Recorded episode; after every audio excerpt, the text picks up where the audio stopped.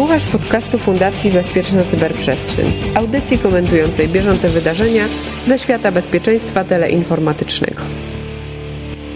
Korzystając z nieobecności Mirka Maja, dorwałem się do mikrofonu, by samodzielnie poprowadzić 110 odcinek podcastu Cyber Cyber. Co z tego wyjdzie, zobaczymy. Nazywam się Łukasz Jachowicz, a moimi gośćmi są Wojtek Ledzion i Marcin Siedlarz z FireEye. Dzień dobry. Dzień dobry. Dzień dobry. E, czuję się trochę nieswojo, bo ciągle czytam o grupach, które mają takie romantyczne nazwy. Fancy Beer albo Apt28, Charming Kitten albo chociaż Shadow Brokers. Tymczasem listopad upłynął pod znakiem UNC 1945. Co to takiego? No jest to bardzo ciekawa grupa, jedna z najciekawszych, które obserwujemy, przynajmniej jeśli chodzi o moją perspektywę pracy w FireEye. UNC, mm, my to nazywamy UNC, czyli e, e, skrót od Uncategorized e, Group i grupa ANG 1945 jest bardzo ciekawą z naszej perspektywy ze względu chociażby na fakt wykorzystania bardzo interesujących narzędzi i, i faktu, że bardzo dobrze grupa czuje się w środowisku Unixowym. Jakiś czas temu e, zaobserwowaliśmy aktywność u, u jednego z klientów. E, I pamiętam, że już wtedy, e, tworząc jeszcze wtedy nie grupę ANG 1945, tylko inną grupę, nieskategoryzowaną o, o innym numerku, już wtedy do Marcina mówiłem, że to się zapowiada bardzo ciekawa grupa i mm, później tworzony przeze mnie e, ANG został zmerdżowany, czyli połączony do e, naszego aktualnego ANKA 1945. No co takiego charakterystycznego właśnie jest w ich działaniu, że, że postanowili zmerdżować i od razu widzieli, i od razu zwrócili twoją uwagę, że są nietypowi? No fakt, że jeśli chodzi o merdżowanie tej grupy do Anka 1945, e, to tutaj jak gdyby wprost wskazują na to artefakty, e, czy też obserwowane overlap, tak zwane overlapy pomiędzy dwoma grupami, czyli podobieństwa, wykorzystanie zarówno e, TTPs, jak i IOCs. Więc tutaj e, jak gdyby temat był dosyć prosty i na podstawie tych over, zidentyfikowanych podobieństw e, ANG 2173 e, został wtedy zmordżowany do aktualnego ANK 1945. E, natomiast co ciekawego, no, grupa bardzo dobrze porusza się, w, jak wcześniej powiedziałem, w środowiskach Unixowych, co jest e, no, nietypowe dla grupy. Nie ma wielu grup, nie obserwujemy przynajmniej wiele grup, które mm, działają na Unixach e, czy też Linuxach. Większość narzędzi, które grupa wykorzystywała, właśnie jest dedykowana na, na Unixy. Mm, no i co więcej, y, jako jedna z ciekawostek, y, grupa y, w ramach swoich działań, w ramach infrastruktury klienta, którego zaatakowała, jak gdyby osadziła w ramach tej infrastruktury całą wirtu wirtualną maszynę, której oczywiście było wiele narzędzi, których później wykorzystywała. Jak gdyby głównym celem tego jest oczywiście ukrycie e, swojej aktywności, ale e, sam fakt, że, że, e, że dokonała zainstalowania maszyny wirtualnej w środowisku klienta no, powodował, że, że, że grupa wzbudziła naszą ciekawość. Czyli krótko mówiąc, weszli na czyjś serwer, ściągnęli sobie QEMU i pod tym QEMU odpalili własnego jakiegoś, nie wiem, Tiny Core Linuxa z, z wszystkimi narzędziami do dalszej eksploracji sieci? Dokładnie tak, dokładnie tak. No, maszyna jak gdyby mm, poza tym, że e, zawierała, mm, tak jak wspomniałeś, wiele narzędzi do, do, do, do rekonesansu głównie, to była tak zwanym też e, hostem takim przesiadkowym. To również e, ta maszyna w późniejszym czasie była wykorzystywana przez grupę, żeby łączyć się z, z ich infrastrukturą na zewnątrz, infrastruktury klienta. Co oni robili? Coś wykradali, coś szyfruje, żądają okupów, sprzedają dostęp? Co, co, co ta grupa robi? Grupa targetuje przede wszystkim, e, e, przynajmniej tak to wygląda z naszej perspektywy, targetuje mm, klientów e, telekomy, głównie telekomy.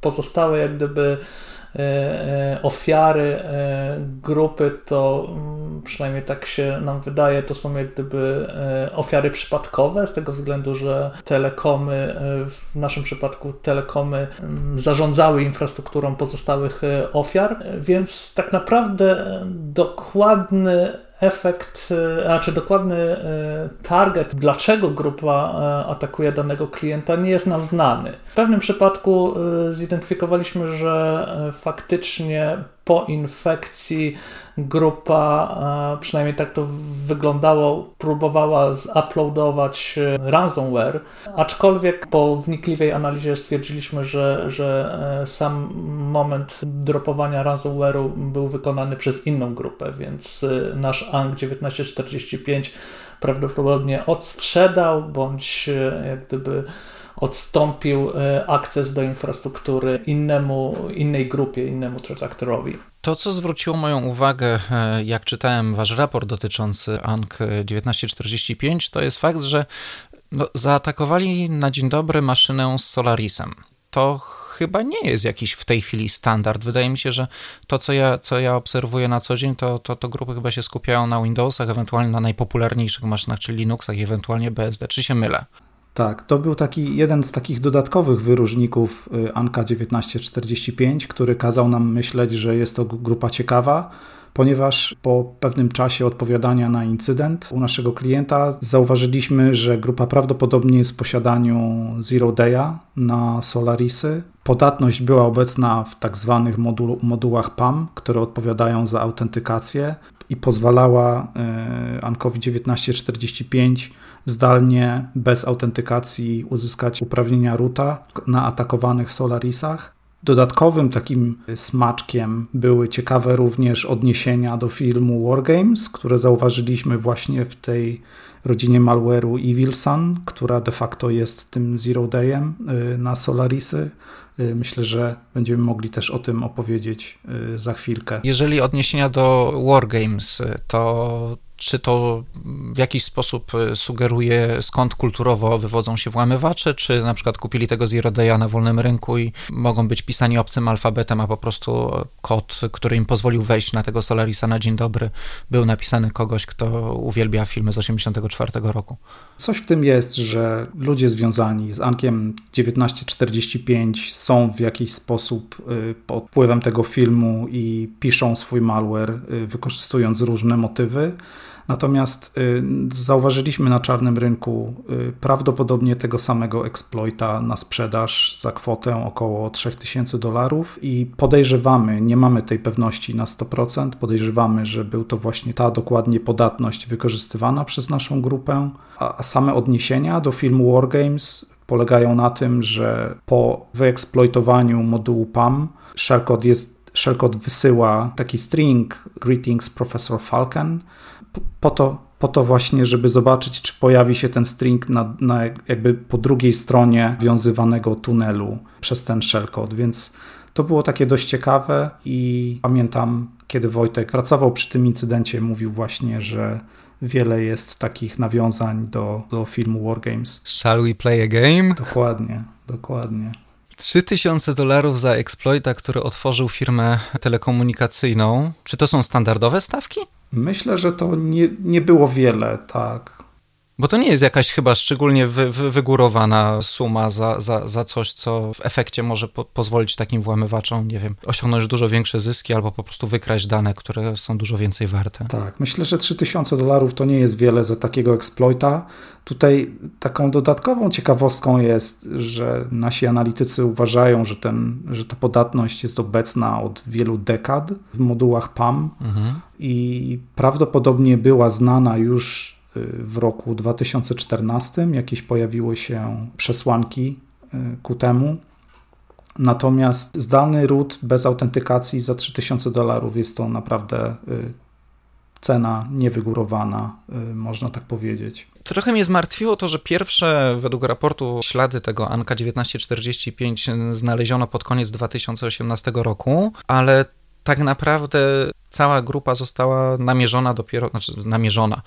Jej działanie i w ogóle to istnienie tego wszystkiego zostało dopiero teraz w połowie 2020 roku. To tam było ponad 500 dni, kiedy oni już byli w logach, ale nikt tego nie zauważył. To dalej jest taki standard, że tak długo trwa wykrycie złych w sieci? Ta sytuacja się zmienia na dobre i to dość szybko. Pamiętam nasze raporty M-Trends, które publikujemy co roku z wszelkimi metrykami odnośnie incydentów, które jeszcze kilka lat temu mówiły o tym, że ten, ten dzień, ten, ten timeframe do momentu wykrycia atakujących to jest powyżej 300 dni. W tej chwili jest chyba około 100, bądź nawet poniżej 100. Mówimy o średniej. Czy... Tak, mówimy o, o średniej. Mówimy o średniej. Mhm. To nie jest dobrze, ale jest mniej źle niż było. Zgadza się, zgadza się. Z drugiej strony, wszystkie grupy, które y, w ostatnim czasie używają ransomware'u, no, po uzyskaniu dostępu jakby kończą swoją misję w przeciągu kilku godzin, więc jakby... No tak, no to, to jest troszkę inny cel, prawda? Ale no jednak ciągle nie jest dobrze, że nie, że jednak firmy nie potrafią wykryć y, włamań stosunkowo szybko, by jakby skutecznie przeciwdziałać skutkom. No właśnie, jak to jest teraz? Jak, jak się trendy... Ostatnio rozmawialiśmy w połowie 2019 roku, kiedy o nietoperzu w Wuhan to chyba jeszcze nikt nie słyszał, a, a teraz żyjemy w zupełnie innych y, pod kątem gospodarczym, informatycznych czasach. Czy, czy pandemia coś zmieniła w działaniu y, grup, które obserwujecie? Czyli nie mówię o takich pojedynczych włamywaczach, którzy wpadają, próbują się skeszować i uciekają? Czy, czy dalej jest tak, że jest dużo y, grup typu APT, które wchodzą, próbują siedzieć cichutko jak najdłużej i sobie sobie powolutku grzebią, czy też powoli ten trend przesuwa się w kierunku szybkich skoków, wpaść, zaatakować, wyskoczyć gdzieś dalej i skeszować się w międzyczasie? No ewidentnie pandemia e, trochę wpływa, nawet może nie trochę, a trochę więcej niż trochę wpływa na trendy i to, co się dzieje w aktywności atakujących. E, poza tym, że widzimy e, jak gdyby sporo kampanii spearfishingowych, które faktycznie gdzieś tam wykorzystują elementy pandemii, to niewątpliwie dosyć znaczący wzrost aktywności grup y, które wykorzystują ransomware, czyli właśnie tak jak wspomniałeś, to są takie szybkie skoki, gdzie czas od e, momentu włamania do dropowania ransomware'u jest e, bardzo krótki, liczony w dniach, a nawet godzinach, więc ewidentnie zauważalnym jest wzrost e, tego typu incydentów, w, przynajmniej z naszej perspektywy. Kiedy przeglądałem wasz raport, to też e, zacząłem się zastanawiać, e, czy badacie takie rzeczy i, i, było tam takie zdanie, które mówiące, że w połowie 2020 roku zauważyliście inny serwer Solarisowy, który łączył się do infrastruktury ANC 1945. To teraz pytanie, skąd wiedzieliście, że to była ta infrastruktura, czy ją obserwowaliście, czy, czy, czy po prostu tak wam później wyszło? E, I w ogóle skąd włamywacze biorą infrastrukturę do, do otwartą, do której się łączą te, te ich e, systemy, bo to generalnie gdzieś coś trzeba kupić i, i, i jak to się dzieje, jak to działa. W naszym akurat zespole nie trakujemy tego, w jaki sposób infrastruktura została zakupiona. Jakby nie, nie jest to dla nas najważniejsze e, mhm. z punktu widzenia takiego technicznego trakowania danej grupy. Natomiast każdy jakby element infrastruktury, czy będzie to adres IP, czy domena, którą grupa zarejestrowała, staramy się obserwować po tym, jak ją odkryjemy, staramy się obserwować, y, czy inni klienci firmy nawiązują jakiekolwiek połączenia z tą daną infrastrukturą, więc mamy jakby swoje mechanizmy tak zwanego taskowania tej infrastruktury, czyli na przykład odkryliśmy adres IP grupy ANC 1945.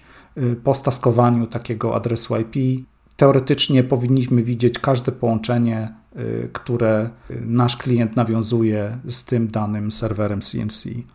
Stosujemy też dużo takich proaktywnych działań y, do fingerprintowania danego, danych serwerów CNC, całych nawet implantów, po to, żeby w sposób taki proaktywny odkrywać więcej takiej infrastruktury złośliwej w internecie, która odpowiada jakby danemu tak zwanemu sygnałowi, y, ale to jest też chyba taki temat na, na kompletnie inną jakby rozmowę, a może nawet i prezentację na konferencji. Okej, okay, to sobie to zapisujemy i pewnie wrócimy do tego. I takie pytanie, też jeszcze związane pewnie z nie waszymi kompetencjami, tylko jakiegoś innego zespołu. Kiedy już wykryliście, znacie sposób działania jakiejś grupy włamywaczy, mniej więcej śledzicie ich działania u waszych klientów, to co się później z tym dzieje? Dajecie znać klientowi, on decyduje, co z tym robić, czy jest jakaś taka standardowa procedura? Nie wiem, współpracy międzynarodowej, dzięki której tego klienta, znaczy, przepraszam, takiego włamywacza można lepiej śledzić e, i później doprowadzić do jego być może nawet e, namierzenia. W FireEye prowadzimy taki program, który nazywa się Victim Notifications i e, nie polega on tylko i wyłącznie na powiadamianiu naszych klientów o jakichś podejrzeniach albo nawet dowodach, które zdobyliśmy, jeśli chodzi o jakby udaną infekcję danej infrastruktury. Często też informujemy firmy, które nie są naszymi klientami o tym, że znaleźliśmy jakiś skrawek informacji, y, który mówi o tym, że zostali zaatakowani. Często pochodzą takie informacje z jakichś logów. Nie ma jakiejś wielkiej tajemnicy, że również staramy się monitorować y, otwarte katalogi w, jakby na serwerach www. Myślę, że każda mm, duża firma takie rzeczy robi. Y, a jeśli chodzi o mm, współpracę z organami ścigania, to mm, myślę, że mogę potwierdzić, że jakby przy największych takich śledztwach y, staramy się pomagać i, i od czasu do czasu dostajemy takie pytania. Y, no nie ukrywam, że głównie z, ze strony amerykańskich organów ścigania, jeśli chodzi o naszą wiedzę odnośnie danych grup w ostatnim czasie no, najczęściej jednak tych grup kryminalnych zajmujących się ransomwarem.